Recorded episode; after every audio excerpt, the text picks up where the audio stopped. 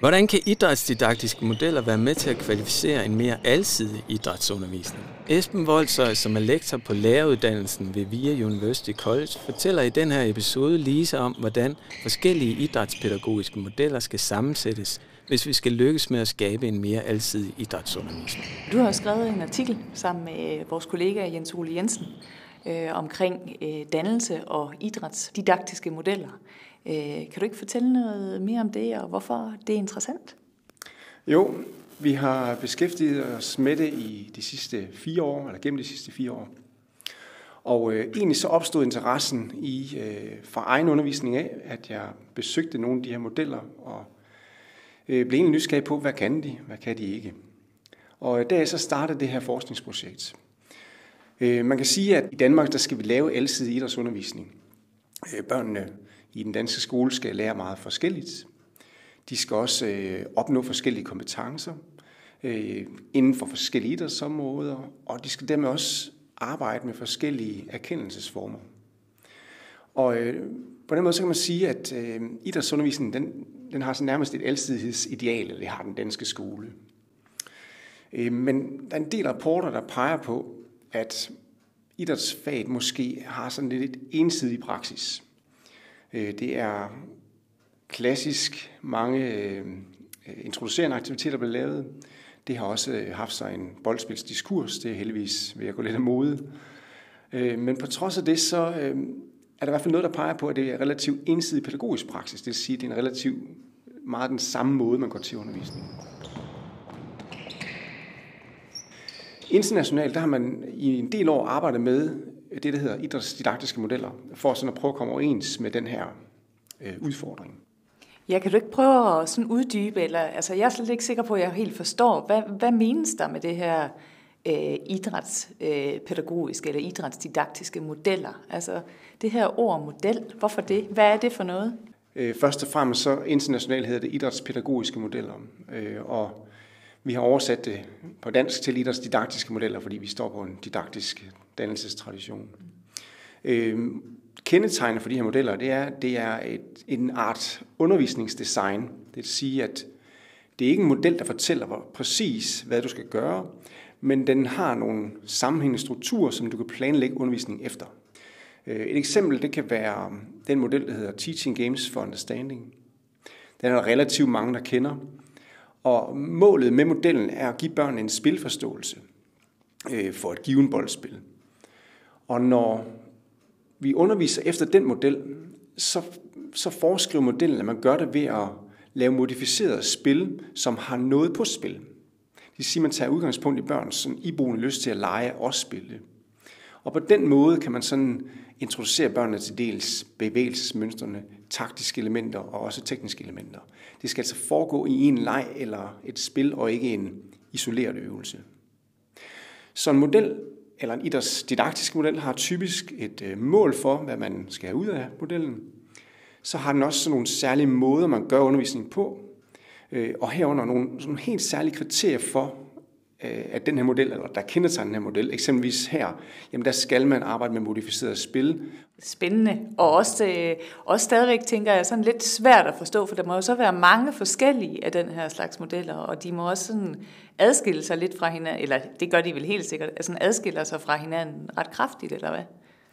Det gør de, og det er ret interessant at se, hvordan de popper op verden over, og det betyder også, at det er dels i forskellige skoletraditioner, mm øh, med forskellige foki på, øh, og skal lære noget specifikt, eller måske lære en kultur, eller, eller måske nogle af de her lidt mere nordisk inspirerede, skandinavisk inspirerede modeller, som arbejder meget med det, som vi kalder subjektifikation, altså dannelsen af det enkelte subjekt. Øh, og det har vi fundet interessant, for det handler ikke om kun at undervise efter en idrætsdidaktisk model. Øh, forskningen peger i hvert fald på, eller, eller argumenterer for, at hvis vi underviser efter flere modeller, altså først i en, ikke også, med et fokus, så efter 5-6 uger, så tager vi en ny model. Øh, og, og det kan være interessant at arbejde med flere modeller, det som man kalder en modelbaseret praksis. Så stiller vi spørgsmålet, jamen hvis vi skal skabe en alsidig idrætsundervisning, hvordan er det så, vi sammensætter den her buket af forskellige modeller? Er det ligegyldigt? Er det sådan en buffetanlægning også, hvor man bare tager alle leverpostejsmaderne? Øh, eller hvordan er det, at vi skaber en, faktisk en alsidig praksis? Øh, og det er det, som vores artikel her går på. Og hvad blev svaret så? Altså fandt I noget svar på det spørgsmål? Ja, vi har jo været inspireret af dannelsestraditionens øh, øh, diskussion om, hvad der er egentlig taget af formål med undervisning. Og, og det er også der, som en del af de, der arbejder med didaktiske modeller, de begynder at diskutere. Vi bliver nødt til at diskutere formålet med undervisningen, før vi begynder at kigge på, hvilke modeller, der kan passe. Vi har lavet os inspirere af øhm, Gert Biestas øh, uddannelsesfilosofi, og han peger dels på, at, eller han peger på, at formålet med uddannelse er dels at kvalificere børnene, det vil sige, at han har sådan et domæne, der hedder kvalifikation. De skal lære nogle ting, så de kan begå sig i samfundet. Han peger også på, at det handler om at socialisere børnene ind i givende traditioner og eksisterende kulturer. Øhm, altså, hvordan er det, vi her i Danmark står i kø og taler til hinanden, giver hånd osv. Og så peger han endelig på, at uddannelse handler også om at subjektivere børn, eller subjektifikation, som man kalder det. Og det handler i bund og grund om ikke, at jeg skal finde mig selv, men jeg skal blive et selv. Så det er en subjektiv forholden sig til undervisning og den verden, de bliver præsenteret for. Når man så, så skal kigge på, hvad, hvad pokker går sådan en model så på, altså hvilket domæne øh, vil den øh, læne sig op af. Og i praksis, så ved vi jo godt, at det vil handle både om at kvalificere børnene. Det vil også handle om at socialisere dem, for de gør det jo sammen. Øh, og der vil også opstå momenter af subjektifikation. Men alligevel så er der nogle modeller, som så har et overskyggende tema, der peger mere på en af de her formålsdomæner. Og der øh, som eksempel øh, kan man kigge på den model, der hedder Direct Instruction. Den handler om at øh, give børn øh, mest muligt kvalificeret tid med underviseren, ikke også, så de kan lære specifikke øh, udviklingsmål eller specifikke læringsmål. Og øh, det fordrer i modellen så også, at øh, det er en meget lineær pædagogik, underviseren taler til og instruerer. Øh, og på den måde så kan man argumentere for, at temaet, sådan, kernen i den model, er kvalifikation. Et andet eksempel øh, på en, en mere øh, socialiserende model kan være den, vi kender øh, som en almen model, der hedder cooperative learning. Øh, cooperative learning har ikke øh, som mål at, at pege på noget specifikt, man skal lære sammen, men at man skal kunne udvikle det sammen. Den, den bygger sig i hvert fald på en social praksis, og det at socialisere sig, ind mere end på specifikke mål, altså lærings- og kvalifikationsmål. Ja, nu nævner du cooperative learning, og det er vel sådan mere en almen didaktisk model. Du har en rigtig god pointe, at nogle af de modeller her øh, har rent faktisk øh, sig et alment pædagogisk rodfæste, mm. eller udgangspunkt, ikke også? Øh, men her der har man så givet nogle eksempler på, hvordan det kan anvendes i en idrætspraksis. I en almindelig pædagogisk kontekst vil cooperative learning også have sådan et socialiseringstematik over sig. Ikke også? Det ændrer sig ikke ved at putte det ind i en idrætspraksis. Men i skolen, der arbejder vi jo typisk med fag, ikke også? og derfor så sætter vi dem ned i nogle fag.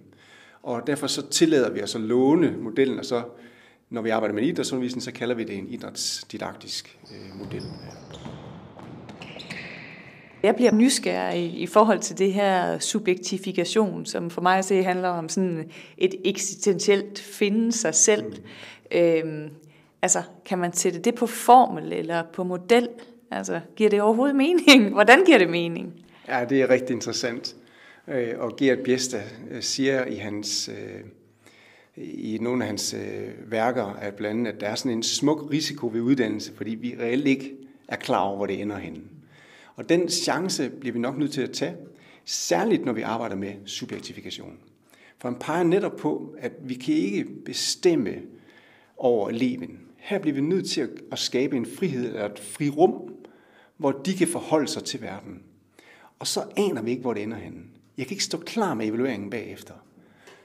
Øhm, en model, som måske læner sig op af den her forståelse, hedder, er, et eksempel er en, der hedder Movement Literacy, som er udviklet af, Standard, Øjvind Standard.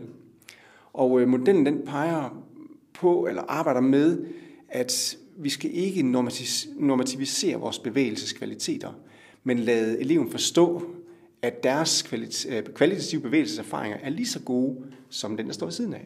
Det vil sige, at min oplevelse er lige så meget værd som den, der står ved siden af. Og den model, den hylder nemlig ikke konkurrencer, og øh, den hylder samarbejde. Den hylder også øh, bevægelsesoplevelser.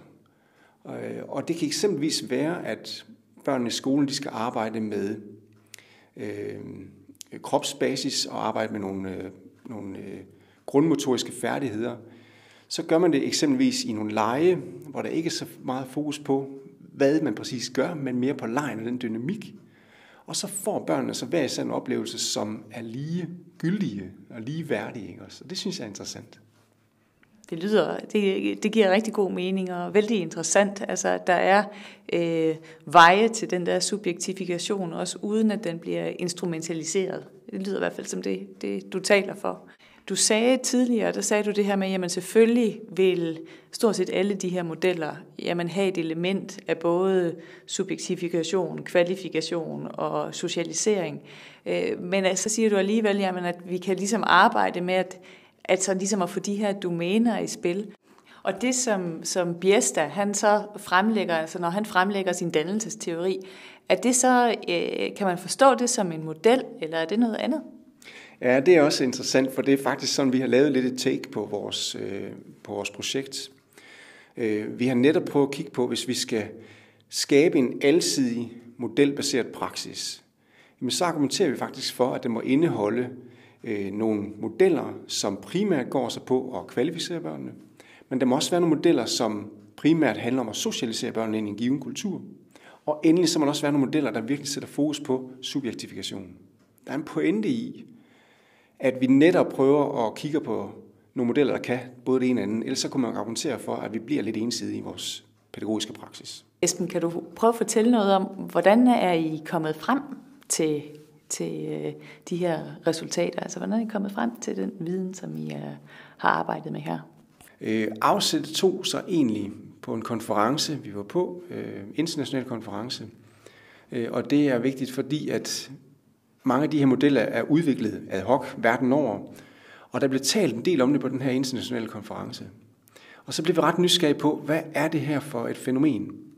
Og hvordan kunne det muligvis øh, også gøre sig gældende ned i en dansk kontekst? Øh, så vi begyndte at læse os ind på øh, dels definitionen af idrætsdidaktiske modeller, eller idrætspædagogiske, som de hedder internationalt, også at prøve at finde eksempler på mange, at finde ud af, hvordan kan vi kategorisere dem her. Og øh, i den forbindelse begyndte vi selvfølgelig også at kigge på noget dannelseslitteratur, altså den uddannelsesforståelse, vi står på.